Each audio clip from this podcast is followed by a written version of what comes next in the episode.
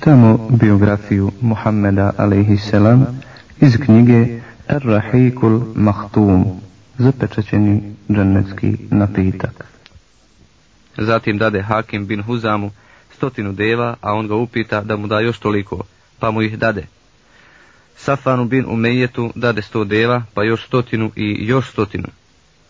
El Harisu bin El Haris bin El Kilde dade sto deva, a tako podijeli i svim poglavarima i kurešijskog i ostalih plemena. Nakon što je podijelio dio onima čija srca treba pridobiti, Resulullah a.s. naredi Zaid bin Sabitu da pozove ostali svijet, te da svako dobije svoj dio od plijena. Jedan dio je iznosio po četiri deve i četrdeset ovaca svakom čovjeku. Jedan konjenik je imao 12 deva i 120 ovaca. Ovakva podjela je zasnivana na vrlo mudrom političkom potezu. Mnogo je onih koji istinu prihvataju zbog svojih stomaka, a ne po svojim sposobnostima. Također se stoka vabi pomoću djeteline, stalno pruža svoj vrat da bi dohvatila travu i to čini sve dok ne dođe u svoju staju i gdje ima mir. Poput toga i jednoj vrsti ljudi su potrebne različite vrste podstreka ili različite metode primamljivanja dok ne dođe u stadiji prisnosti sa imanom, da ga zavoli i bude zbog toga sretan. Ovakva metoda političkog rasuđivanja nije odmah svaćena od mnogih kategorija ljudi, stoga su počele različite priče i zamjerke kolati naokolo. Ensarije su bile jedna od kategorija tih ljudi koji se osjećali oštećeni i zanemareni. Svi su bili uskraćeni bilo kakve dobiti ratnog plijena sa Huneyna. Znamo dobro da su oni ti koji su u najtežim trenucima Huneyna bili uz Resulullah a.s. i borili se s njim, dok se bježanje i povlačenje nije preorijentisalo u napad i pobjedu.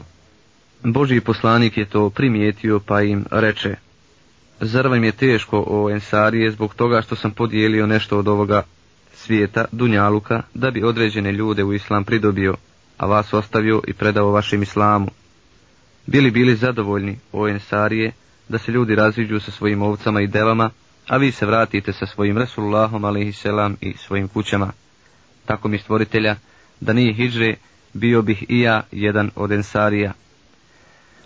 Kad bi ovi ljudi krenuli na jednu stranu, a Ensarije na drugu, ja bih krenuo za Ensarijama.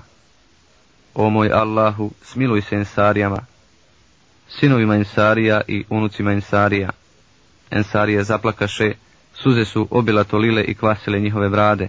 Oni rekoše, zadovoljni smo Allahovim poslanikom, zadovoljni smo njegovom raspodjelom i našom srećom u tome. Resulullah a.s. završi i izađe, a i oni izađoše. Nakon razdjeljivanja ratnog plijena kod Resulullah a.s. dođe pleme Hevaza primljenim islamom. Bilo ih je 14. Njihov poglavar je bio Zuhair bin Sad. Sa njima je stigao Ebu Berkan, Amidža Resulullahov a.s. po mlijeku. Kada je Resulullah završio raspodjelu ratnog plijena u El Džaranu, riješivši usto mnoge probleme koji su iskrsli, opremi se za umru i s tom namjerom krenu iz El Džarana. U Mekki je obavio umru, a poslije toga se vratio u Medinu. Na odlasku iz Mekke, Resulullah a.s. imenova u Mekki Itab bin Usejda za nadzornika. U Medinu se vratio 24. Zulkadeta, 8. godine po Hidži. Muhammed El Gazalija kaže, kako je Allah proširio Resulullahove mogućnosti, od onih iz davnih i loših vremena do ovih kada mu je maknuo većinu problema sa sjajnom pobjedom u Mekki. Kakve drastične razlike za svega osam godina, od momenta kada je protjeran iz ovog časnog grada, pa do sadašnje posjete kao Allahov poslanik i muslimanski poglavar. Iz Mekke u Medinu je došao protjeran da traži zaštitu i utočište. Došao je kao stranac, usamljen, tražeći razumijevanje i društvo. Stanovnici Medine mu pružiše počasti, zaštitu i pomoć. Oni prihvatiše Allahovo svjetlo, kojim ga je Allah Đerlašanuhu obdario. Zbog Resulullah a.s. su prekidali stara neprijateljstva i uspostavljali primirja.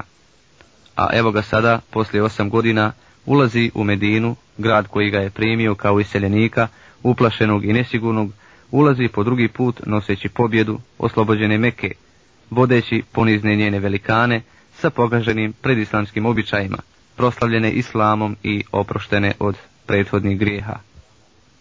Bismillahirrahmanirrahim. Pohodi i izvidnice nakon povratka sa osvojenja Mekke. Nakon povratka sa ovog dugog i uspješnog putovanja Resulullah alaihisselam je ozvaničio svoj boravak u Medini. Po dolasku u prijestolnicu muslimana počeo je obavljati svoje redovne funkcije. Dolazile su mu delegacije i on ih je primao, a slavo je svoje namjesnike i svoje misionare daje da tumače vjeru islam. Preostali nemuslimani u Medini, oni koji se oholo ponašali prema Allahovoj vjeri, koji su odbili da prihvate islam i da se povinuju realnom stanju kojem su svjedoci bili svi Arapi, odjednom su ostali poniženi i poraženi. Evo kratkog pregleda događaja u Medini nakon povratka Resulullah a.s.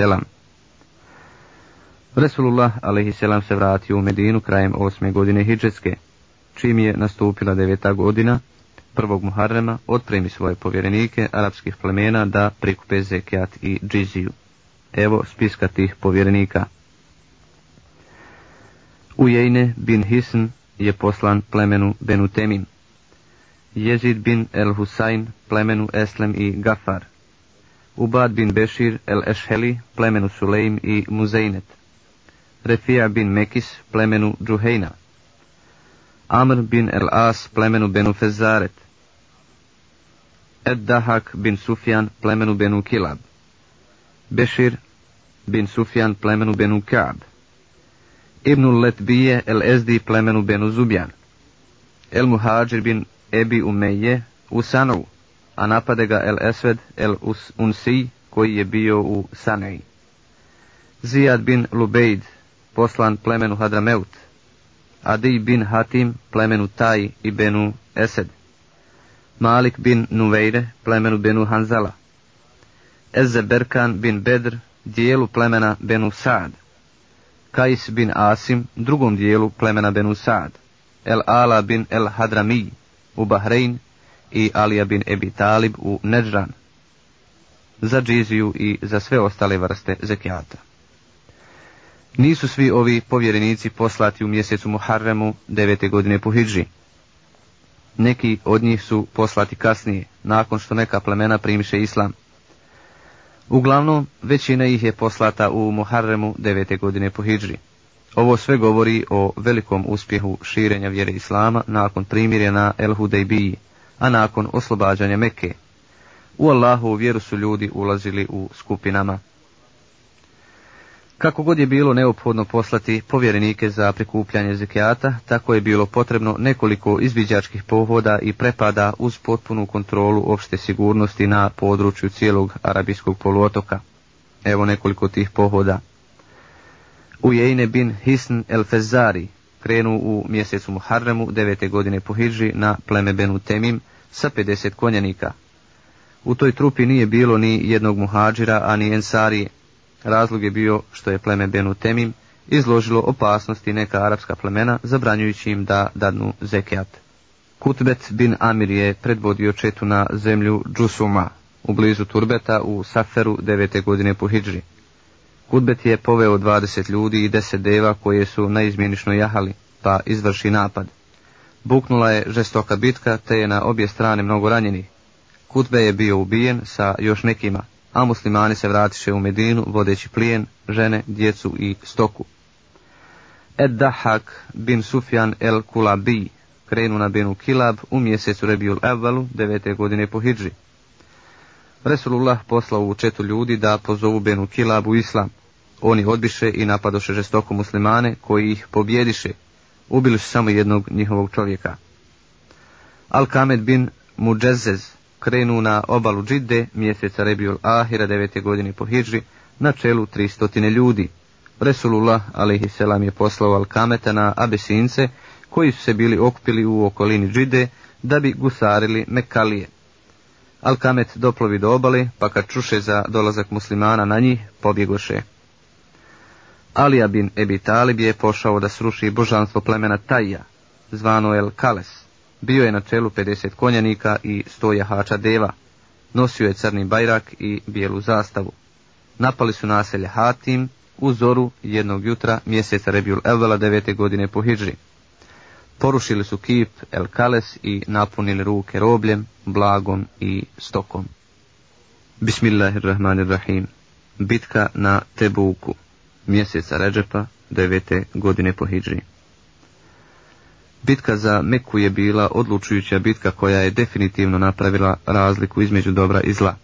Poslije nje nije više bilo prostora za dvoumljenje i sumnju. Stoga su se tokovi historije sasvim promijenili. Ljudi su u skupinama primali islam, kako smo vidjeli u prethodnom poglavlju prema broju muslimana, a što ćemo tek vidjeti na oprosnom hađu. Nestalo je unutrašnjih državnih problema i prestale su sve nesuglasice. Muslimani su odahnuli zbog spoznaje vjerskog učenja i Allahovih propisa. Vjera Islam je cvjetala. Uzrok bitke na Tebuku Postojala je još jedna svjetska sila koja je oponirala Islam bez opravdanog razloga.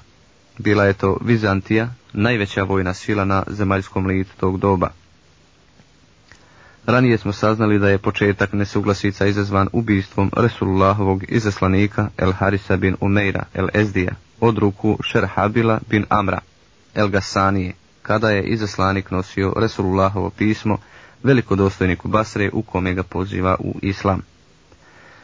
Cezar nije nikako mogao zaboraviti sukob na Muti, koji je proslavio muslimane, kao i želju mnogih arapskih plemena kasnije, da se oslobode vizantijske vlasti i isteknu slobodu.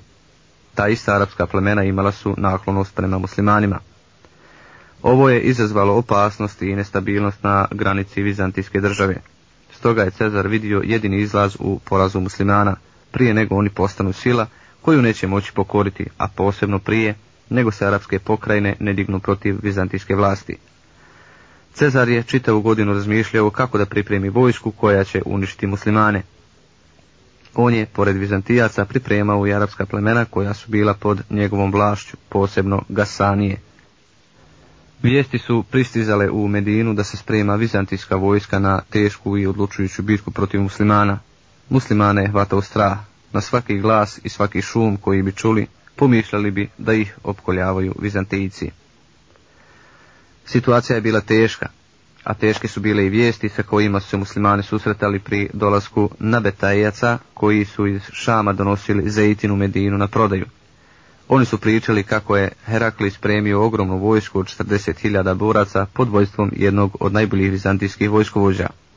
Usto je pridobio plemena Laham i Džezam, te da će krenuti iz Belhe. Eto tako se pred muslimane ispriječila velika opasnost. Resulullah a.s. je posmatrao sve okolnosti i sva događanja preciznije i mudrije nego ostali. Smatrao je da ne bi bilo pametno odugovlačiti ili jeniti s pokretom na Vizantijice, pogotovo u ovakvim uslovima. Kada je Resulullah a.s. izanalizirao situaciju i donio zaključak o pokretu, naredio sahabima da se spreme za borbu. Otposla Kurejšijama i arapskim plemenima poziv da se skupe i spreme. Čim su muslimani čuli Resulullahov a.s. poziv u borbu protiv Vizanta, pohitaše da ga izvrše veoma brzo i veoma ozbiljno, natječući se ko će biti bolje opremljen. Vojska plemena se slijevala u Medinu sa svih strana. Niko od muslimana nije odbio da učestvuje u ovom velikom pohodu. Nakon što se muslimanska vojska dobro opremi, Resulullah a.s. postavi u Medini Muhammed bin Meslemu Ensariju za zamjenika dok se ne vrati iz bitke. Neki misle da je u Medini ostavio za zamjenika Seba bin Urfetat. Kao staratelja svoje porodici je postavio Aliju bin Ebi Talib radijallahu anhu i naredi mu da boravi kod njih. Ali radijallahu anhu počeše prigovarati licemjeri, a on sustiže Resulullah a.s koji mu ponovo naredi da se vrati u Medinu i reče mu, a zar nisi zadovoljan da budeš prema meni kao što je bio Harun u odnosu na Musa, samo što poslije mene nema više poslanika. Pa Resulullah a.s. je s vojskom krenuo na sjever, put Tebuka. Vojska je bila ogromna, brojala je 30.000 boraca. Nikada do tada nisu krenuli u većem broju, nigdje u boji. Muslimanska vojska je stigla na Tebuk i tu se ulogorila, spremna da dočeka neprijatelja. Resulullah a.s. je ustao da održi govor vojsci. Taj veoma sažet i slikovit govor obuhvatao je sve što je trebalo da se kaže u datom momentu. Govorio je o vrednotama ovog i onog svijeta, upozorio je i opomenuo, zaprijetio je i obradovao ih. Sve u svemu, podigao im je borbeni duh, dao im podstreka. Ukazao im je da sve njihove patnje, oskudica, glad i žeđ, koje su pretrpjeli na putu, ubrajaju u dobročinstvo. Što se tiče Vizantijaca i njihovih vladara, čim su čuli za dolazak Resulullah a.s. sa ogromnom vojskom, obuzeo ih je silan strah. Nisu se smjeli usuditi na pokret i susret sa njim. Raziđoše se i raspustiše vojsku unutar svojih granica. To je bila po muslimane daleko bolja vijest nego što su očekivali. Ta vijest je djelovala i na povećanje ugleda i časti muslimanske vojske van granica Arabije kao i unutar same zemlje. Muslimani stekoše veliku vojnu prednost i veliki vojni uspjeh, do kojeg možda ne bi došli da je izbio oružani sukob dviju strana. Kada je okončan problem Tebuka, kod Resulullaha a.s. dođe Juhannet bin Ruabet, velikodostojnik Ile, pa se izmiri sa Resulullahom a.s. i pristade da dadne džiziju. Također dođeše stanovnici Džerbe i Ezruha, te i oni dadoše džiziju. Resulullah a.s. im napisa pisma kojima im garantuje primirje. Muslimanska vojska se vratila u Medinu, slavljenički i pobjednički raspoložena. Nisu imali na putu nikakvih neugodnosti, a Allah Đalšanu ih je zaštitio od borbe. U blizini Akabe na putu za Medinu pokuša 12 ljudi licemjera da ubiju Resulullah a.s. Resulullah a.s. je prolazio Akabom na devi, a Ammar i Huzeife bin Jeman su išli pokraj njega i vodili devu za uzde. Muslimani su išli dolinom, svako sa svojim mislima. Ti munafici licemjeri iskoristiše trenutke opuštenosti muslimana, pa se privukoše Resulullahu a.s. On ču iza sebe neke glasove. Kad se okrenuo, vidio je da su ga uhodili. Posla Huzeifeta da udari njihove deve po vratu sa kukom koju je imao uzase. Allah Đelešanuhu ih prestraši pa pobjegoše do svoje licemjerne družine. Kada je Resulullah a.s. ugledao obris Medine, izdaleka reče, ovo je zemlja, ovo je Uhud, planina koja nas voli i koju mi volimo. Svijet u Medini saznade za dolazak Resulullah a.s. Žene i djeca izađuše da dočekaju muslimansku vojsku srdačno i veselo. Pjevali su istu pjesmu kao kad je Resulullah a.s. prvi puta dolazio u Medinu. Mladi mjesec nas obasja od senijetul veda. Resulullah a.s. je krenuo na Tebuku u mjesecu Ređepu, a vratio se u Ramazanu. Na putu i na Tebuku je proveo 50 dana, od toga 20 na Tebuku, a ostalo na putu u odlasku i povratku. Ovo je bila ujedno i posljednja bitka u kojoj je učestvovao Resulullah a.s. Rezultati pohoda na Tebuk Ova bitka je ostavila veličanstven dojam na raspoloženje muslimana i na njihovo utemeljenje i sigurnost na tlu arabijskog polotoka Ljudi su postali svjesni da ni jedna ideja na svijetu tog doba nema šansi da saživi sa Arapima osim islamske. Muslimani postadoše jaki i snažni. Sve nade i želje kod predislamskih idolopoklonika i licemira padale su u prah, iako su ih vezivali za Vizantiju i od njih očekivali spasenje. Nakon ovog pohoda smiriše se i te nepokorne manjine i pokoriše se stvarnosti iz koje nisu imali drugog izlaza. Munaficima ili licemjerima, petokolonašima ne preosta ništa drugo, doda imaju blag i prijateljski odnos sa muslimanima. Allah Đelešanuhu naredi da se pritisak na licemjerne pojača do te mjere da se od njih ne smije primati zekjat, ne smiju se blagosiljati, ne smije im se opraštati, ne smije im se na kaburu stajati.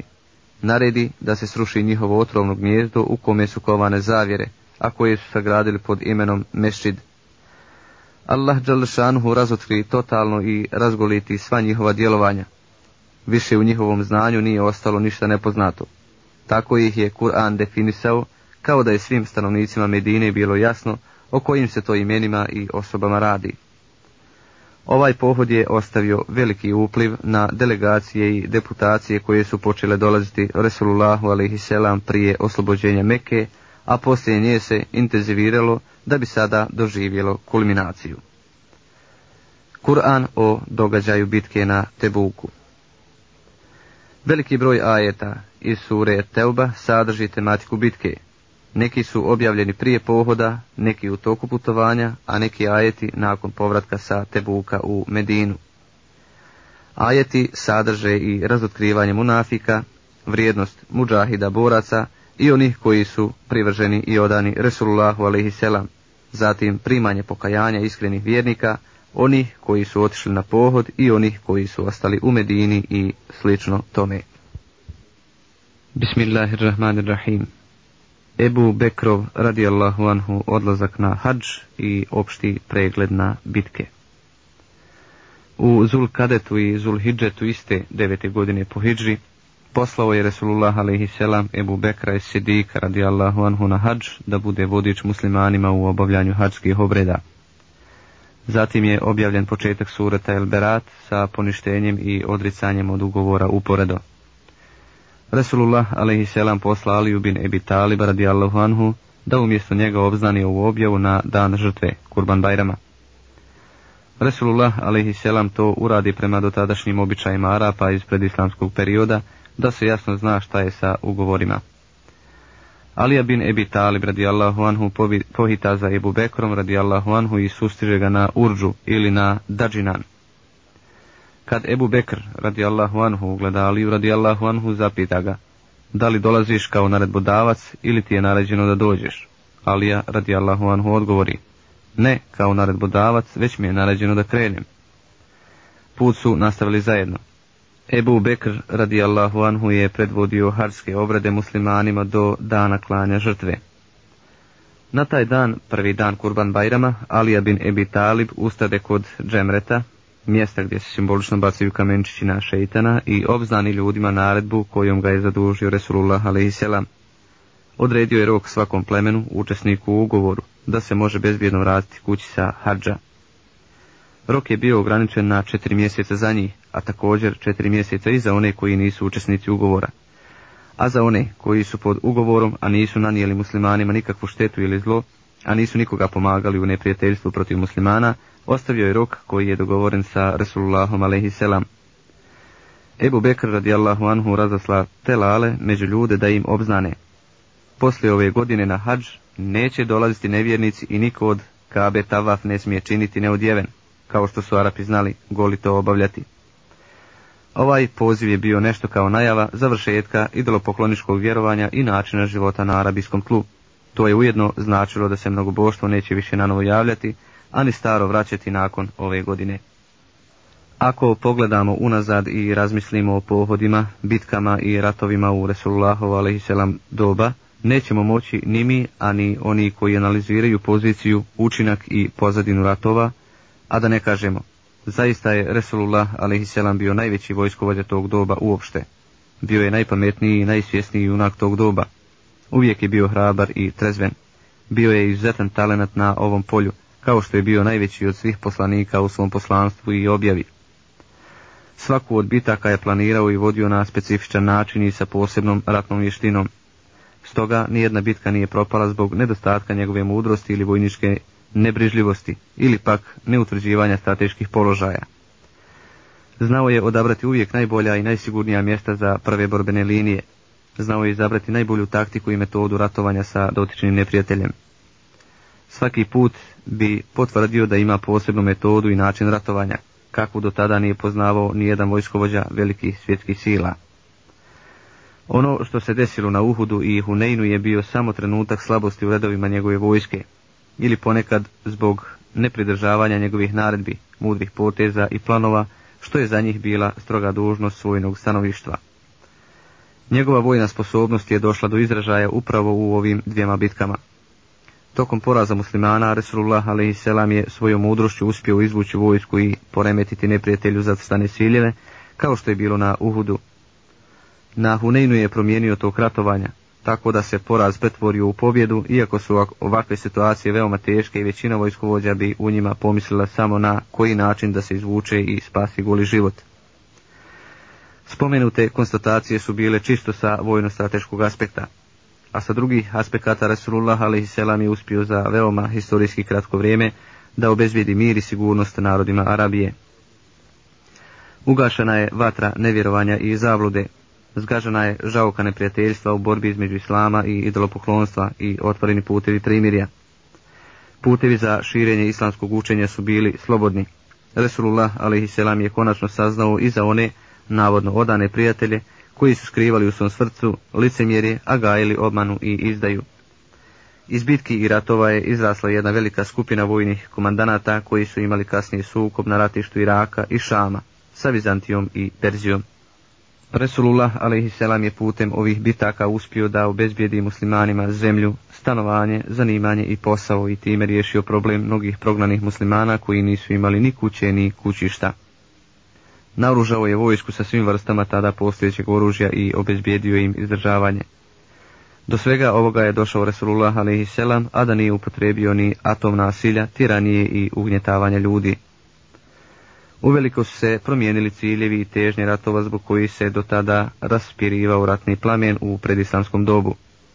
Dok su ratovi bili sinonim za pljačku, otimačinu, krađu, ubijanje, paljenje, nasilje, nepravdu, neprijateljstvo, krvnu osvetu, počinjeno slabijeg, rušenje kuća, sela i gradova, sramoćenje ženskih vrijednosti, upropaštanje žena i potomstva, besposlicu i razrat na zemlji, dotle su ti ratovi u periodu Islama dobili sasvim drugi smisao, smisao borbe na Allahovu putu za plemenite ciljeve, uzvišene i pohvalne težnje u kojima se poštuje čovjek kao dio društva u svakom dobu i na svakom mjestu. Rat je postao džihad za spašavanje čovjeka od poredka nasilja i neprijateljstva do stvaranja poredka pravde i pravičnosti. Trebalo je iskorijeniti običaj da jači tlači slabijeg, treba da bude obrnut, jači da postane slabiji nakon što mu se oduzme dio te moći. Rat je postao džihad za spas svih onih slabih žena i djece koji izgovaraju molbu Allahu Đalešanuhu, gospodaru naš, izbavi nas iz ovoga grada, čiji stanovnici nasilnici, i ti nam odredi zaštnika, i ti nam podaj onoga ko će nam pomoći. Džihad je postao čišćenje Allahove zemlje od nasilja, izdaje griješenja i tiranije, a radi stvaranja sigurnosti, mira, milosti, pažnje, prijateljstva i čovječnosti. Islam je propisao za vođenje ratova časna pravila koji su se morali pridržavati i vojska i njena komanda i nisu smjeli ni u kojoj situaciji izaći iz okvira tih pravila. Suleiman bin Burejde pripovijeda da je njegov otac pričao. Resulullah a.s. je prilikom postavljanja nekog zapovjednika vojsci davao oporuku da na prvom mjestu bude bogobojazan on, a potom i oni koji su s njim i da čini dobro. Zatim bi mu rekao, borite se u ime Allaha i na Allahovom putu. Ubijajte one koji ne vjeruju Allaha, borite se, ali ne pretjerujte, ne varajte i ne činite nasilje. Ne unakažavajte druge i ne ubijajte malu djecu. Resulullah a.s. je narađivao olakšavanje situacije pa kaže Olakšajte, a nemojte otežavati. Zbijajte redove, a nemojte ih razjedinjavati. Resulullah je naredio da se ne vode bitke po noći, da ne bi neprijatelj bio iznenađen dok je na spavanju. Najstrožije je zabranio spaljivanje ljudi, ubijanje onih koji imaju jamstvo, garanciju, ubijanje žena i njihovo fizičko maltretiranje. Zabranio je otimačinu. Resulullah a.s. kaže Oteto nije dozvoljeno kao ni mrtvo. Zabranio je nasilje nad ženama i potomstvom. Zabranio je sječ šuma i stabala osim u velikoj nuždi i ako nema drugog izlaza. Resulullah a.s. pri oslobađanju Mekke kaže Ne življavajte se nad ranjenicima i ne slijedite one među vama koji bježe. Ne ubijajte zarobljenike. Slijedite tradiciju da ne ubijate putnika strogo je zabranio ubijanje oni s kojima su potpisani ugovori o primirju pa kaže Ko ubije potpisnika ugovora neće primirisati miris dženneta, a njegov miris se može osjetiti na vremenskoj udaljenosti od 40 godina. Bilo je dakle takvih plemenitih propisa koji su očistili metod ratovanja od prljavih predislamskih običaja da bi ratovanje dobilo smisao svetosti. Bismillahirrahmanirrahim masovno prelaženje na islam. Pohod za oslobođenje Meke od nevjerstva i idolatrije je bio od životnog značaja za muslimane. Tim pohodom je konačno zadan udarac mnogoboštvu. Oslobađanjem Meke, Arapima se otvorio vidik u raspoznavanju prave vjere i prave istine od neistine. Nestalo je kod njih sumnje i oni pohrlše u islam. Amr bin Selema priča događaj od prije svog prihvaćanja islama. Stajali smo kraj javnog bunara. Pokraj nas su prolazili putnici u grupama. znali smo upitati, kuda ide ovoliki svijet, ko je ovaj čovjek? To jest Resulullah alaihisselam. Oni su odgovarali. On smatra da je Allahu poslanik, da mu Allah objavu šalje, da mu objavljuje to i to. Ja sam zapamtio te riječi. One kao da su se utisnule u moje grudi. Arapi su oslobađanje Meke smatrali uzrokom za svoj prelazak na islam. Govorili su za poslanika alaihisselam. Pustite i njega i njegov narod. Kad bi on pobjedio njih, onda bi bio pravi poslanik. Pa kad se dogodilo oslobođenje Meke, pohrli svako pleme u islam. Pohrli i moj otac i moj narod u Meku kod Resula. Kad se vrati kući, moj otac reče, dolazim vam tako mi Allaha izravno od Allahovog poslanika alaihisselam i to pravog. On nam je rekao, klanjajte taj namaz u to vrijeme, a taj namaz u to vrijeme, a kada prispije vrijeme za namaz, neka neko od vas prouči jezan, a onaj ko zna najviše Kur'ana na pamet, neka bude imam. Islamski historičari navode broj od oko 70 delegacija koje su došle kod Resulullah a.s. da prime islam. Nama je nemoguće u svim tim delegacijama pričati pojedinačno, ali ćemo kazati uopšteno njihov značaj za historiju. Čitavocima radi informacije stavljamo na znanje da je zvanični dolazak čitavih plemena da prime islam počeo poslije oslobađanja Meke, iako ih je bilo i prije tog događaja. Delegacija Abdul Kajsa je u dva navrata dolazila kod Resulullah alihi selam. Prva je bila pete godine po Hidži. Jedan trgovac iz tog plemena po imenu Munkiz bin Hayyan je krenuo u Medinu svojim poslom. Kada je saznao za Resulullah alihi selam i upoznao islam i sam ga je primio. U svoje pleme se vratio sa Resulullahovim alihi selam pismom u kojem ih pozva da prihvate Allahu vjeru i oni to učiniše. Druga delegacija je došla devete godine ili godine delegacija i brojala je 40 ljudi. Delegacija Dusa je početkom sedme godine Hidžetske došla u Medinu, a Resulullah a.s. je tada bio u Hajberu. Ranije smo govorili o islamu El Tufejla bin Amra ed Dusije. On je primio islam prije Hidžre, kada je Resulullah a.s. bio u Mekki. Vratio se u svoje pleme i nekoliko godina pozivao svoje suplemenike koji su stalno odlagali prihvatanje islama. On je izgubio strpljenje s njima i vratio se nazad kod Resulullah a.s. i zatražio od njega da moli Allaha za njegov narod Dusa. Tom prilikom Resulullah a.s. je molio, gospodaru moj, uputi narod Dusa. Nakon toga oni su prihvatili islam pa je Eto Fejl došao u Medinu sa 70 ili 80 porodica. Kada je saznao da je Resulullah a.s. u Hajberu, otišli su za njim u Hajber. Delegat Ferveta Beni Amra el Džezamije je došao u Medinu da obavijesti Resulullah a.s. da je Fervet primio islam. Delegacija Sudaa koja je došla u Medinu nakon povratka Resulullah a.s. iz El Džarana osme godine po Hidži. To se desilo kada je Resulullah a.s. pripremio 400 muslimana s namjerom da prodru u područje Jemena gdje je živio Sudaa. I dok se vojska utvrđivala na početku Jemenskog kanala, Zijad bin el Haris es Sudai otputova u Medinu kod Resulullaha i reče mu Došao sam delegiran od mog naroda. Vrati svoju vojsku sa kanala, tvoji smo i ja i moj narod. Dolazak Kjab bin Zuheira bin Ebi Selma, predstavnika najuglednijih arapskih pjesnika predislamskog doba. Kjab je u ranijim svojim pjesmama napadao Resulullaha alaihi selam i islam. Delegacija plemena Uzre je došla kod Resulullah selam u mjesecu Rebjul Evvelu, devete godine po Hidži. Bilo ih je 12 ljudi. Delegacija Belija je došla u mjesecu Rebjul Evvelu, devete godine po Hidži. Primili su islam i bili u Medini tri dana. Delegacija Sekif je došla u Medinu u mjesecu Ramazanu devete godine po Hidži nakon povratka Resulullah selam sa Tebuka. Pismo jemenskih kraljeva zvani Himer Resulullahu a.s. nakon njegovog povratka sa Tebuka. Njihov delegat je bio Malik bin Murrete Errehavi, koji ponese njihovu poruku da su primili islam, a napustili idolopoklonstvo i njegove sljedbenike. Delegacija Hemedana dođe kod Resulullah a.s. 9. godine po Hidži nakon njegovog povratka sa Tebuka delegacija Benu Fezareta koja je došla u Medinu 9. godine po Hidžri po povratku Resulullah ali selam sa Tebuka. Delegacija je bila sačinjena od preko deset ljudi. Oni su došli da potvrde svoj islam. Delegacija iz Nerđana, velikog grada udaljenog od Meke sedam dana hoda prema Jemenu. U sklopu Nežana su se nalazila 73 sela udaljena od grada po jedan dan za brzog konjenika. Delegacija Benu Hanife je došla u Medinu devete godine po Hidži. Bilo ih je 17 ljudi, među njima je bio Musailema Kezrab. Nakon dubljeg razmatranja došli smo do zaključka da je Musailema zbog svoje oholosti, nadmjenosti, pohlepe i nadređenog položaja odbio da ide sa ostalim delegatima kod Resulullah a.s.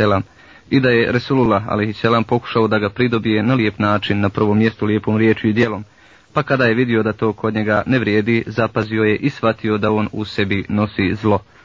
Delegacija Amira bin Sa Sa, u kojoj je bio Amir bin Tufail, Allahov neprijatelj i Erbed bin Kajs, Lubejdov brat po majci, zatim Halid bin Džafer i Džebar bin Eslem. To su bili poglavari plemena i najvećih njihovih zlikovci. Amir je bio onaj što je pobio shabe na izvoru Meunet. Kada je ova delegacija dolazila u Medinu, Amir i Erbed skovaše zaviru da ubiju Resulullah a.s. Kad stigoše, Amir uze da govori poslaniku a.s. a Erbed je kružio oko njega. Sablju je izvukao iz korica koliko jedan pedalj. Zatim mu Allah Đalešanuhu oduze ruku pa nije mogao da je makne.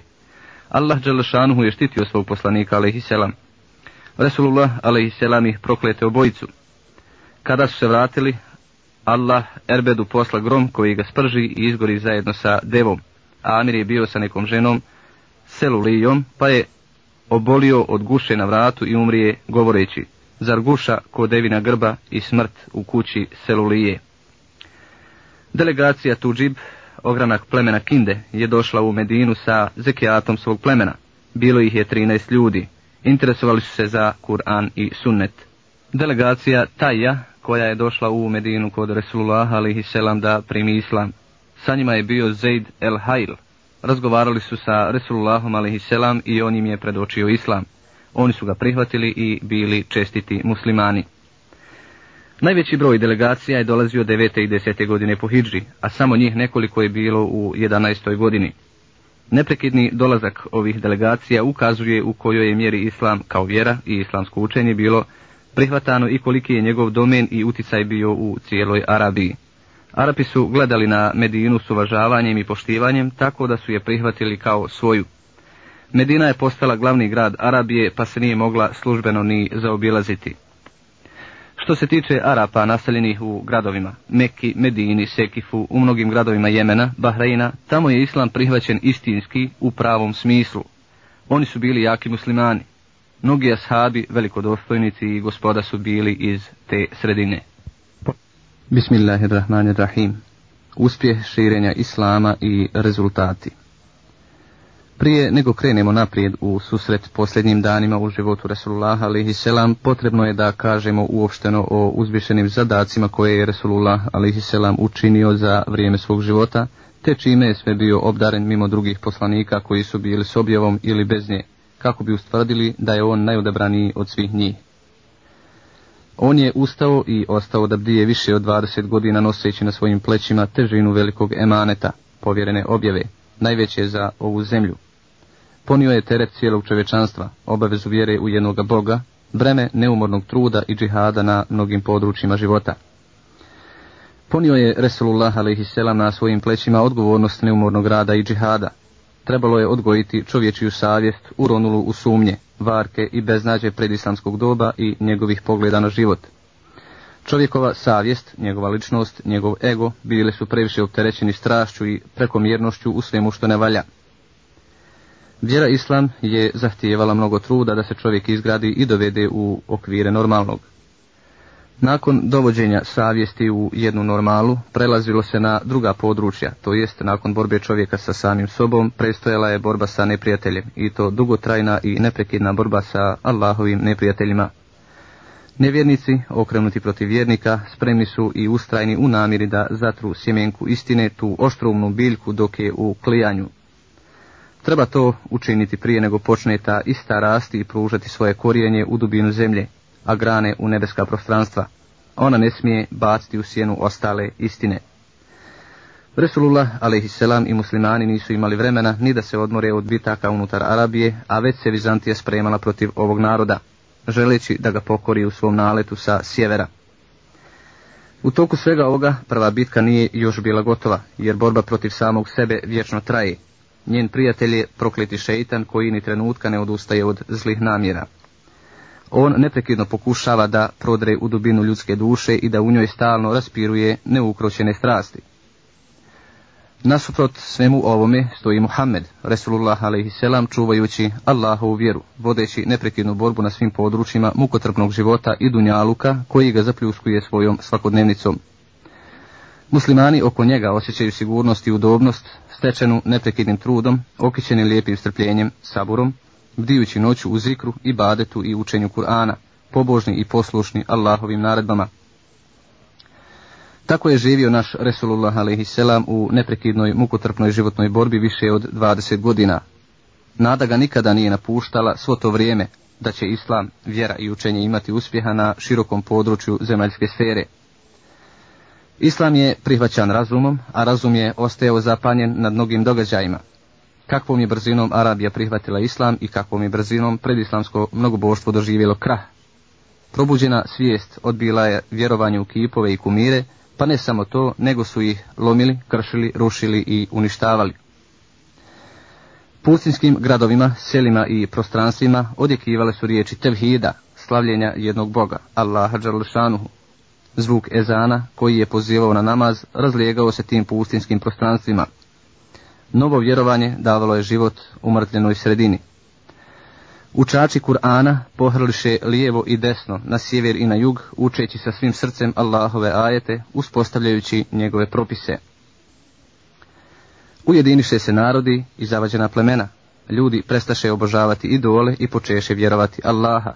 Nije više bilo pobjednika i počinjeni, gospodara i robova, sudaca i osuđenika, onih koji čine nepravdu i onih kojima se čini nepravda. Arapi su s Allahovom Đerlešanuhu pomoću odbacili predislamsku tradiciju. Nije više bio bolji Arap od stranca, ani stranac od Arapa. Nije imao prednost bijelac nad crncem, osim ako je bogobojazniji. Svi su ljudi postali od Adem alaihi selam, a Adem je od prašine. Ovim putem, uz vrijednosti Islama, Arapi su ostvarili svoje jedinstvo, pa i više od toga, jedinstvo čovječnosti i društvene pravde. Iz ovodunjalučkih problema izranjala je formula za sretan život. Dani su prolazili, zemlja je mijenjala svoje lice, historija je pisala svoje nove stranice. Ljudski um je bio bogatiji za nova saznanja. Predislamsko doba je u svakom pogledu počinjavalo čovjeka stvarima i predmetima. Njegovu dušu je zaplelo u kućine mračnjaštva i nevjerstva. Gospodarila je zabluda i tmina i pored prethodnih nebeskih vjera, koje su već tada doživjele krivovjerstvo i slabost i koje su izgubile moć kontrole nad čovječijom dušom. Te vjere su već tada bile opore, beživotne i bezdušne. Vjera Islam je oslobodila čovjeka, njegov duh i razum iz omče bezvjerstva, mnogoboštva i ropstva. Oslobodila je ljudsko društvo od nasilja i terora, od razjedinjenosti i različitosti bilo koje vrste. Islam je izgrađivao društvo na radi koje je podnosio raznorazne tegobe i patnje preko 20 godina, pa mu je omogućio da se na obroncima Mekke sastane sa arapskim plemenima i njihovim predstavnicima i da uzmu od njega vjerske osnove i propise i da Resulullah a.s. uzme od njih potvrdu da je svoj emanet u dostavi Islama ispunio, da je objavu prenio i savjet ummetu, narodu svome, ostavio. Resulullah a.s. proglasi da će obaviti hađ kojeg će Allah Đalašanuhu blagosoviti i kojem će muslimani prisustvovati. U Medinu stiže mnogi svijet, svako je želio da ostane uz Resulullah a.s. i da s njim zajedno krene na taj put. I u subotu 26. Zulkadeta Resulullah a.s. se spremi za put. Kad sunce odskoči, očisti svoje tijelo i obuče svoju odjeću i krenu poslije podneva. U Zulhulejfu je stigao prije ikindije namaza. Sačekao je ikindiju i klanjao dva rekiata. U Zulhulejfi je i prenoćio. A kada je osvanuo, rekao je svojim ashabima. Noći sme je posjetio Džibril Emin, koga je poslao moj gospodar i rekao mi. Klanjaj u ovoj Mubarek dolini i reci, obavljam umru sa hađom. Kada je ušao u Mešćidul Haram, obišao je Kaabu, učinio tavaf, a zatim obavio saj, polutrčeći hod između Safe i Merve. Nije skidao ih rame jer je naumio istodobno obaviti hađ i umru. Sa sobom je poveo kurbane. Odsjeo je u gornjem dijelu Mekke na mjestu El Huđun. nije više odlazio da obavlja tavaf do hađskog tavafa. Resulullah a.s. je naredio svim onima koji nisu naumili klati kurban da u ihramima budu samo dok obave umru, to jest učine tavaf oko kjabe i saj između safe i merve, a zatim da skinu ihrame i razriješe umru. Mnogi su se pokolebali, pa im je rekao, kad bih ponovo došao u ovu situaciju, ne bih postupio ovako, a da nije uzmene kurban i ja bih skinuo ihrame i razriješio se umre, pa neka, neka se skine i onaj ko nema sa sobom kurbana. Ashabi i ostali poslušaše i izvrše naredbu Resulullah a.s. Osmog dana Zulhidžeta na dan Tervijeta, dan uoči Arefata, uputi se Resulullah a.s. na minu. Na mini je klanjao podne i kindiju zajedno, a akšam i jaciju zajedno. Tu je prenoćio i klanjao sabah namaz. Ostao je još malo dok se nije sunce pojavilo, a onda je krenuo na Arefat. Tu je zatekao podignut šator od crno-bijelog vunenog pokrivača. U njemu je odsjevo. Kada se sunce nagelo zapadu, naredi da mu dovedu devu. Uzjaha je i krenu sred doline Arefata. Na Arefatu se okupilo 124 ili 144 hiljade ljudi, hađija. Resulullah alaihisselam stade kao govornik i održa ovu univerzalnu konciznu hudbu. On reče, o ljudi, poslušajte moj govor, jer ja ne znam da li ću se nakon ovog mog hađa više sresti sa vama ikada na ovom svijetu. Vaša krv i vaši imeti su vam sveti kao što je svet ovaj dan u ovom vašem mjesecu i u ovoj vašoj zemlji. A zar nije sve iz predislamskog doba pod mojom nogom oboreno? I krvna osveta iz predislamskog doba je oborena. Prva krvna osveta, našu krv Ibn Rebijat bin el Harisa poništavam. On je bio na dojenju u plemenu Benusada, a ubili su ga iz plemena Huzeil. Predislamska kamata je poništena. Prvu kamatu s naše strane koju odbacujemo je kamata Abbasa bin Abdul Mutaliba. Sva je oborena. Bojte se Allaha u ponašanju sa ženama. Vi ste ih uzeli uz Allahovo povjerenje. S njima odnos imate uz Allahovo odobrenje. One su dužne da u vašu kuću ne upuštaju nikoga. Vi to mrzite i imate pravo zahtijevati od njih. Ako one i pored toga to učine, udarite ih udarcem koji nije žestok. One imaju pravo da ih vi hranite i oblačite kako je pravično. Vama ostavljam Allahovu knjigu. Iako je se budete čvrsto pridržavali, nećete zalutati. O ljudi, zaista poslije mene neće biti više poslanika, a niti će poslije vas biti drugog ummeta. Zbog toga vjerujte u svoga gospodara, klanjajte svojih pet vakata namaza, postite svoj mjesec Ramazan, dajte na svoj imetak zekijat, njime čistite svoje duše i hodočastite kuću svoga gospodara. Budite poslušni svojim dostojnim naredbodavcima. Ako sve ovo ispoštujete, ući ćete u džennet svoga gospodara. A ako budete pitani za mene, šta ćete odgovoriti? Ljudi odgovoriše, svjedočimo da si obavijestio, izvršio i posavjetovao. Resulullah a.s. reče, pokazujući kaže, prstom dignutim ka nebu, a zatim uperenim u narod, gospodaru moj, ti si svjedok. To je ponovio tri puta. Nakon što je Resulullah a.s. završio svoj govor, Allah Đalešanuhu mu posla objavu. Allah Đalešanuhu kaže, Bismillahirrahmanirrahim, El jevme ekmeltu lekum dinekum, ve etmemtu alejkum ni'ameti, ve raditu lekumul islame dina sadakallahu azim. U ime Allaha milostivog samilosnog. Danas sam vam vjeru vašu usavršio i blagodat svoju prema vama upotpunio i zadovoljan sam da vam Islam bude vjera. Istinu je rekao uzvišeni Allah. Kada je Omer radijallahu anhu čuo ovaj ajet, zaplakao je pa su ga upitali. Šta te je rasplakalo? Odgovorio je, nakon upotpunjenja i savršenstva ne može biti ništa drugo do manjkanje i nedostatak. Nakon održane hudbe, Bilal je proučio ezan, pa i kamet i Resulullah a.s. je klanjao ljudima podne. Zatim je opet proučen i kamet i Resulullah a.s. je klanjao i kindiju. Između ova dva namaza nije klanjao ništa više. Nakon toga je uzjehao devu i došao na mjesto stajanja na Arefatu. Devu je okrenuo trbuhom prema Džebelur Rahmet, brdo milosti, dok je brdo bilo ispred njega.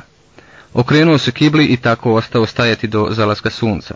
Kada je nestalo crvenila na zapadu, Resulullah a.s. posadi iza sebe na devu u sameta i krenu na muzdelifu. Na muzdelifi je klanjao akšam i jaciju sa jednim ezanom i dva ikameta. Između namaza nije tespih učio, nakon toga je legao do zore. Ujutro je klanjao sabah sa ezanom i kametom dok nije svanulo. Poslije namaza je uzjehao devu i krenuo na brijeg muzdelife. Okrenuo se kibli i molio Allaha džalašanuhu, učio tekbire i tahlile, la ilaha illallah. Tu je stajao i molio dok se nije razvidilo. Sa muzdelife je krenuo na minu prije izlaska sunca. Iza sebe je na devu posadio El Fadl bin Abbasa. Tako je stigao u dolinu Muhasir. Tu je malo tresao ramenima, što spada u obrat hađa, a potom je krenuo srednjim putem koji izlazi na veliko džemre. Stigao je do džemreta, mjesto gdje se bacuju kamenčići na šeitana. U Resulullahov a.s. doba je kraj tog džemreta bilo stablo, pa se je to džemre nazivalo džemretul akaba ili džemretul ula, akabsko ili prvo džemre. Na džemre je bacio sedam kamenčića, u svaki kamenčić je učio Allahu ekder, Allah je najveći. Kamenčiće je bacao od sredine doline mine, zamahivanjem desne ruke. Nakon bacanja kamenčića otišao je na Menhar, mjesto gdje se kolju kurbani. Zaklao je 63 deve svojom rukom, a onda je dao Ali radi Allahu anhu, pa je zaklao ostatak, a to je 37 deva. Ukupno je zaklao stotinu velikih kurbana. Alija radi Allahu anhu se udružio sa Resulullahom a.s. u njegovim kurbanima. Resulullah a.s. je naredio da se od svakog kurbana uciječe po dio koji su stavili u lonac. Meso se kuhalo pa je jeo mesa i pio mesne čorbe. Resulullah a.s. je uzjehao devu i otišao u Meku da obavi tavaful i fadet, odnosno oprosni tavaf. U Meki je klanjao povodne namaz. Poslije toga otišao je kod Benu Abdul Mutaliba, koji su napajali hađije zemzem vodom i reče Siđite, o Benu Abdul Mutalib i dajte mi vode da me nije strah da će vam ljudi preoteti posao i ja bih sišao s vama da zahvatam vodu. Oni mu dohvatiše kofu, pa se Resulullah a.s. napi zemzem vode. 13. dana Zulhidžeta ili treći dan Kurban Bajrama, Resulullah a.s. je krenuo sa Mine. Stigao je u Ebtah na obronak Benu Kenaneta. Tu je proveo ostatak tog dana i sljedeću noć. Tamo je klanjao podne i Kindiju zajedno, a Akšemijaciju zajedno. Zatim je malo sjeo, a onda uzjehao devu i krenuo u Bejtullah. Tada je obavio tavaful vedai, odnosno oprosni tavaf. Nakon obavljenih svih obreda hađa, naredi da se pripremi povratak u Medinu, ne da bi iskoristio odmor, nego da bi nastavio sučeljavanje i mukotrpan rad radi Allaha Đerlašanuhu i njegovog puta. Posljednji vojni pohod Oholost vizantijske države odbila je svaku životnu istinu koju je predočio islam. Ta njena oholost navela ju je da ubije svakog onoga ko postane sljedbenik te istine, isto kao što je uradila sa Fervetom bin Amrom el Džezamijom, koji je bio njihov namisnik u Muanu. Gledajući na ovu njihovu smjelost i na obraženost, Resulullah a.s. odluči da pripremi veliku vojsku. U mjesecu Saferu, 11. godine po Hidži, naredi Usami bin Zaid bin Harisetu, da krene s konjicom i da napadne Belhu i Edarum u Palestini. Tim napadom trebao je uliti strah i napraviti pometnju u redovima neprijatelja, a uliti povjerenje i samopouzdanje u srca Arapa, naseljenih na granici islamske zemlje, te da ne bi kogod pomislio da crkvena snaga ima nesalomljivu moć, kao i to da prihvatanje islama donosi svojim sljedbenicima samo smrt. Ljudi su vodili raspravu o ličnosti vojskovođe zbog toga što je veoma mlad sumnjali su da neće uspješno obaviti povjereni zadatak. Na to je Resulullah a.s. rekao, ne čudim se što napadate u sametov položaj, jer ste napadali i položaj njegovog oca prije toga. Otac mu je bio stvoren da bude na vladajućem položaju, iako mi je bio jedan od najdražih ljudi, a i ovaj mi je također poslije njega jedan od najdražih. Nakon ovih riječi ljudi pohrliše da stupe u redove u sametove vojske, Kada su napustili Medinu, prvo odmaralište im je bilo u El Džurfi, na tri milje od Medine, gdje su im stigle nepovoljne vijesti o bolesti Resulullah a.s. Ta vijest ih je omjela i nisu željeli da nastave put dok ne saznaju za Allahovu odredbu.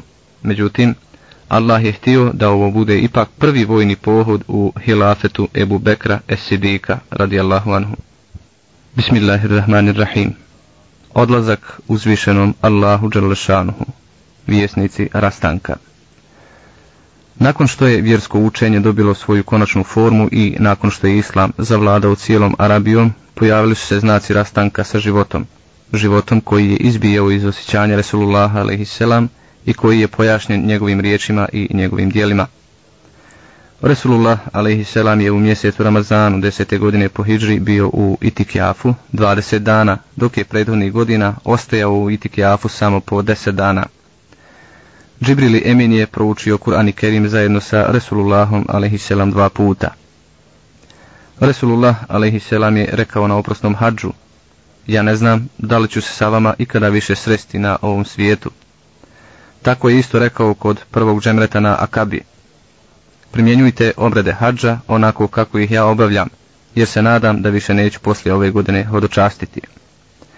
Sredinom Kurban Bajrama objavljena mu je sura An-Nasr, pa je znao Resulullah a.s. da je došlo vrijeme rastanka i da mu duša nagovještava smrt.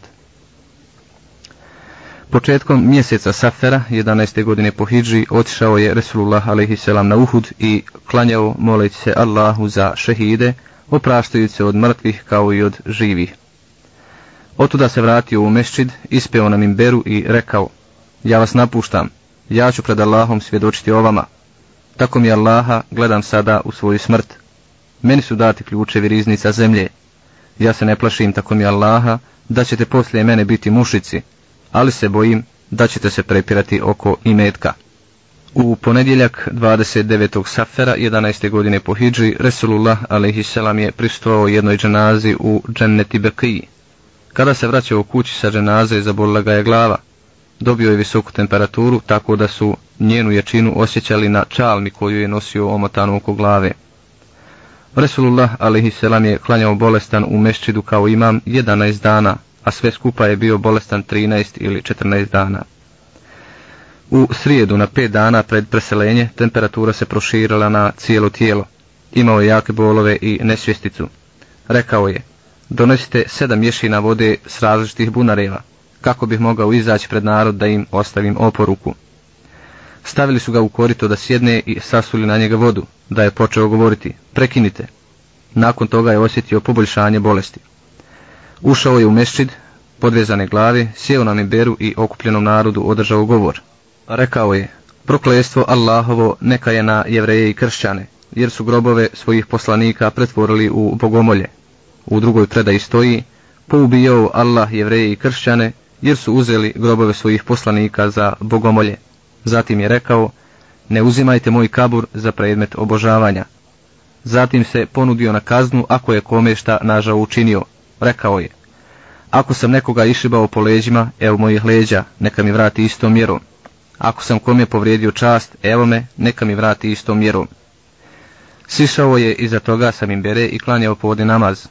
Poslije opet sjeo na mimberu i opet ponovio da ako je kome šta dužan, ostao neka se zatraži od njega da mu se vrati. Neki čovjek reče, dužan si mi tri drahme. Resulullah alaihisselam se okrenu el fadlu i naredi. O fadle, dadni mu ih. Potom je dao oporuku u vezi ensarija govoreći, ostavljam vam oporuku o ensarijama, oni su moja čeljad i moja obitelj, ali su odradili ono što su trebali odraditi, a ostaje im ono što su još dužni da odrade. Primajte od njih ono što je dobro, a zanemarite ono što je od njih loše. Nakon toga je rekao, Allah Đelešanhu je dao jednom čovjeku da bira iz dunjalučke bašće cvijeće, koje hoće ili ono koje Allah ima kod sebe. On izabere ono što Allah ima. U subotu ili nedjelju Resulullah a.s. osjeti poboljšanje pa izađe oslonjen na dva čovjeka da klanja povodne namaz. Ebu Bekr je imamio. Kad Ebu Bekr radijallahu anhu ugleda Resulullah a.s. htjede se izmaknuti da propusti Resulullah a.s. Resulullah alaihi mu naišareti da se ne izmiče i reče posadite me do njega. Posadiše ga s lijeve strane Ebu Bekra radijallahu anhu. Ebu Bekr je oponašao Resulullah a.s. u namazu. Ljudi su razabrali tekbir. Enes bin Malik radijallahu anhu pripovjeda. Dok su muslimani u ponedjeljak ujutro klanjali sabah namaz za Ebu Bekrom, iznenadio ih je Resulullah a.s. Odmakao je zavjes sa vrata išne sobe i gledao ih. Džemat je klanjao u safojima. On se osmijehunuo i nasmijao. Ebu Bekr radijallahu anhu se povukao u saf i ustupio mjesto, misleći da će Resulullah a.s. pristupiti u namaz. Enes radijallahu anhu kaže, muslimanima se pričinilo da su dovedeni u iskušenje u namazu zbog radosti prema Resulullahu a.s. On im rukom dade znak da dovrše svoj namaz, zatim uđe u sobu i navuče zastor na vrata. Poslije ovoga nije dočekao drugi namaski vakat. Preseljenje je otpočelo, a Iša ga malo podiže i nasloni na sebe. Govorila je, od Allahovi blagodati prema meni je da je Resulullah a.s. preselio na Ahiret u mojoj kući, u mom danu, na mojim grudima, uz moju dušu. Medinom je prostrujela mučna vijest, ona pomrači svjetlost i nebeske prostore Arabije. Enes radijallahu anhu kaže, ne sjećam se da sam doživio ljepši, svjetliji i radosniji dan od onog kada je Resulullah a.s. ušao u Medinu. I ne sjećam se ružnijeg, tamnijeg i tužnijeg dana od onoga u kome je preselio Resulullah a.s. Ebu Bekr se pomoli na konju dolazeći od svoje kuće iz Es-Sunhe. Sjaha i uđe u mešćid. Nije niskim govorio dok nije ušao kod Aisha radijallahu anhu i uputio se Resulullahu a.s. koji je bio pokriven plaštom. On mu otkri lice, klonu preko njega, poljubi ga i zaplaka. Zatim reče, draži si mi od oca i majke. Allah neće do dozvoliti da dva puta umreš. Smrt koju ti je Allah propisao, ti si dočekao. Potom izađuše Ebu Bekr i Omer radijallahu anhu da kažu svijetu. Ebu Bekr radijallahu anhu reče, Kažem vam, ko je od vas obožavao Muhammed a.s. Muhammed je mrtav. A ko obožava, vjeruje Allaha, neka zna Allah je živ, on ne umire. Uzvišeni Allah Đerlešanuhu kaže, Bismillahirrahmanirrahim, Vama Muhammedun illa Rasul, kad halet min kablihir rusul, efe im mate ev kutilan kalebtum ala e'akabikum, Vama jenkalib ala akibejhi, falan jedurra Allahe še'a, vese jerži Allahu šakirin. Sadakallahu l'azim u ime Allaha milostivog samilosnog. Muhammed je samo poslanik, a i prije njega je bilo poslanika. Ako bi on umro ili ubijen bio, zar biste se stopama svojim vratili? Onaj ko se stopama svojim vrati, neće Allahu nimalo nauditi, Allah će zahvalne sigurno nagraditi. Istinu je rekao uzvišeni Allah. Ibn Abbas radijallahu anhu reče, tako mi Allaha kao da ljudi nisu znali da je Allah objavio ovaj ajet, dok ga nije proučio Ebu Bekr. Ljudi počeše učiti ovaj ajet, pa nisi mogao nikoga vidjeti, a da ga ne uči. U utorak je Resulullah ogasuljen, a da mu nisu skidali njegovu odjeću. Gasulili su ga El Abbas i Alija, zatim dva Abbasova sina, Kusum i El Fadil, pa Šukran, oslobođeni rob Resulullah a.s. te Usama bin Zaid i Evs bin Havli. El Abbas, El Fadl i Kusum su ga okretali, a Usama i Šukran polijevali vodu. Alija ga je gasulio. Evs ga je naslonio na svoje grudi. Poslije toga su mu obukli čefine. Sastojali su se od tri dijela bijelog suhulijskog pamučnog platna. Nije imao košulju niti čalmu. Umotali su ga u platno. Bilo je različitih prijedloga gdje da ga ukopaju. Ebu Bekr reče, čuo sam da je Resulullah a.s. rekao, Nijedan poslanik nije zakopan nigdje drugo osim na mjestu gdje je umro. Ebu Talha diže Resulullahu a.s. postelju na kojoj je preselio i iskopa kabur na tom mjestu. U Resulullahu a.s. prostoriju je ulazilo po deset ljudi da klanjaju dženazu. Niko im nije bio imam. Prvo je porodica klanjala, pa muhađiri, zatim ensarije i žene su klanjale poslije muškaraca, a najzad su klanjala i djeca. Tako je protekao čitav dan utorka. Kada je nastupila srijeda, a iša radijallahu anhu reče, nismo znali za Resulullahovo alaihisselam kopanje, dok nismo čuli zvuk lopate u noći nastupajuće srijede. Bismillahirrahmanirrahim. Resulullahova alaihisselam porodica. Resulullahovu alaihisselam porodicu u Mekki prije hijdžre činili su Resulullah alaihisselam i njegova žena Hatidža radijallahu anhu, kćerka Huvelidova.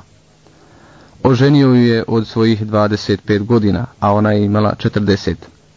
Hatidža radijallahu anha je bila prva žena Resulullah a.s. Za njenog života nije se na nju oženio. Poznato je da je Resulullah a.s. imao privilegiju nad ostalim muslimanima u pogledu broja zakonitih žena, više od četiri, zbog mnogobrojnih razloga. Resulullah a.s. je sklopio brak sa 13 žena, dvije su umrle za njegova života, a devet je ostalo živih iza njega. Umrle su Hatidža radijallahu anha i majka siromaha Zainab bint Huzaimet. Sa dvije žene nije stupio nikako u bračnu vezu. Sevda, čerka Zemata, koju je Resulullah a.s. oženio mjeseca Ševala desete godine svoga poslanstva, a samo nekoliko dana nakon smrti Hatidže radijallahu anha. Aisha, čerka Ebu Bekra, koju je oženio u mjesecu Ševalu godine 11. svoga poslanstva, ili godinu dana nakon Sevde, a prije Hidžre na dvije godine i pet mjeseci. Hafsa, kći Omer bin El Hattaba, ostala je udovica iza muža Huneis bin Huzafeta es Sehmije između bitke na Bedru i bitke na Uhudu. Resulullah a.s. ju je oženio treće godine po Hidži. Zeyneb, kći Huzeimeta iz plemena Benu Hilal bin Amir bin Sa Sa. Ona je imala nadimak majka siromaha zbog milosti i nježnosti prema njima. Ummu Selema Hind, kćerka Ebi Umejeta, bila je udata za Ebu Selema. On je umro u mjesecu Džumadel Ahir, četvrte godine po Hidžri, a Resulullah a.s. ju je oženio u Ševalu iste godine. Zaineb, kći Džahša bin Rebaba iz plemena Benu Esed bin Huzeimeta. Džuveirija, kći El Harisa, poglavara plemena Benul Mustalak od Huzata. Ona je bila među zarobljenicima Benul Mustalaka došla je u dio s plijenom Sabitu bin Kajsu bin Šemmasu, ona je tražila da se oslobodi, Resulullah a.s. je riješio njen problem i oženio je u mjesecu Šabanu, šeste godine po Hidži. Ummu Habiba, kći Ebu Sufjana, koja je bila udata za Ubejdullaha bin Džahša, s njim se iselila u Abesiniju. Ubejdullah se odmetnuo od Islama i primio kršćanstvo. U Abesiniji umru. Ummu Habiba je ostala u Islamu kao muhađirka u Abesiniji. Safija, kći Hujeja bin Ahtaba, jevrejka iz plemena Benu En Nadir. Ova izraelčanka je bila među robljem Hajbera. I Mejmuna, kći El Harisa, sestra Umul Fadli, Lubab El Harisa. Oženio je u Zulkadetu sedme godine po Hidžri u vrijeme naknadne umre, nakon što je obavio umru.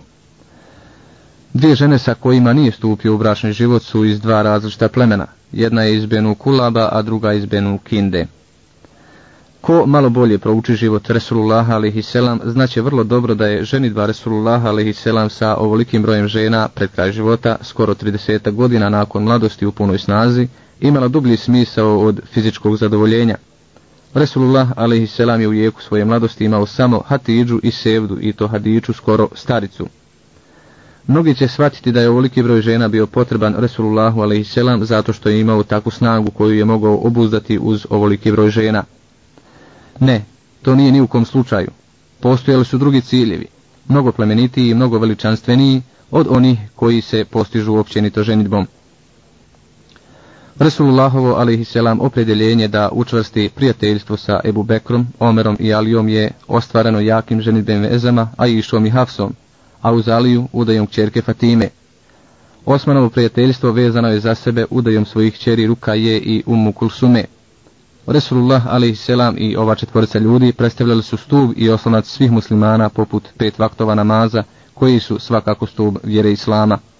Resulullah selam je dobro poznavao kroz što su sve prošli ovi ljudi zajedno s njim, žrtvujući se za Islam. Allah Đerlešanhu je htio da su svi ovi velikani sretno prebrodili sve nedaće, sva iznenađenja, tegobe, žrtve bez velikih posljedica. Niko dakle ne može poreći koliko su ove ženidene veze pomogle sređivanju stanja i koliko su imale velikog uticaja na ljude.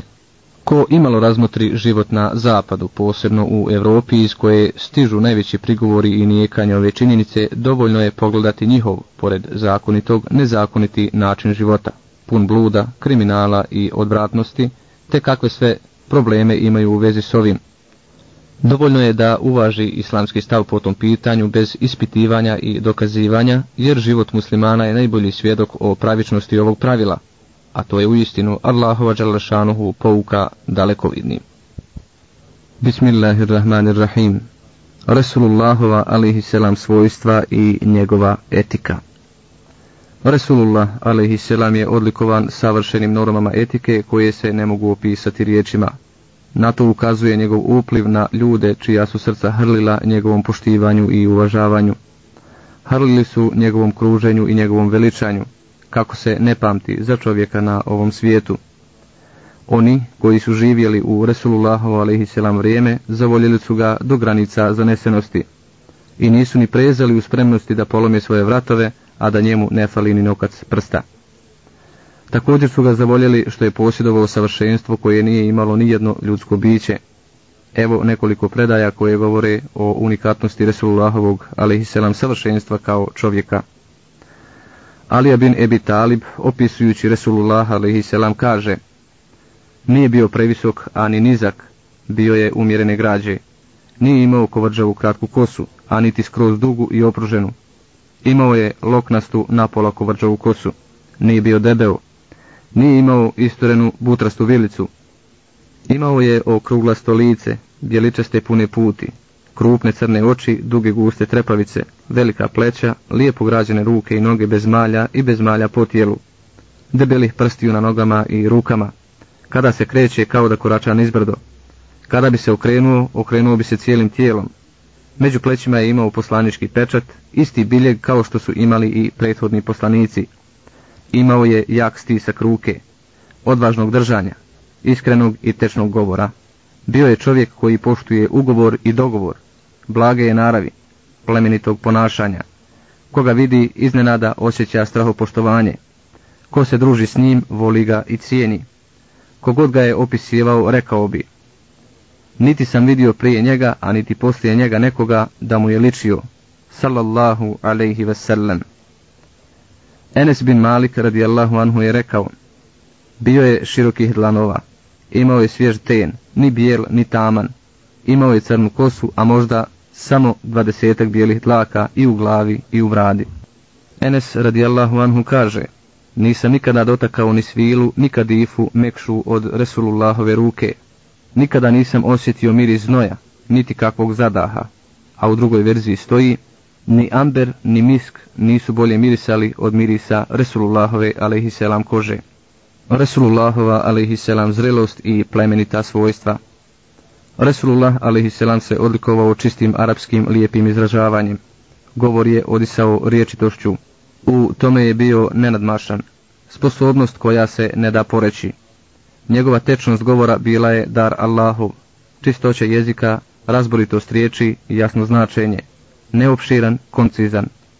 Isticao se originalnom mudrošću, poznavao je arapske dijalekte, svakom plemenu bi se obraćao na njegovom jeziku, raspravljao bi s njima na njihovom jeziku, posjedovao je snagu i širinu bedunijske riječitosti i oštrinu jezika, posjedovao je stil i metod gradskog izraza u načinu ophođenja sa ljudima te klase.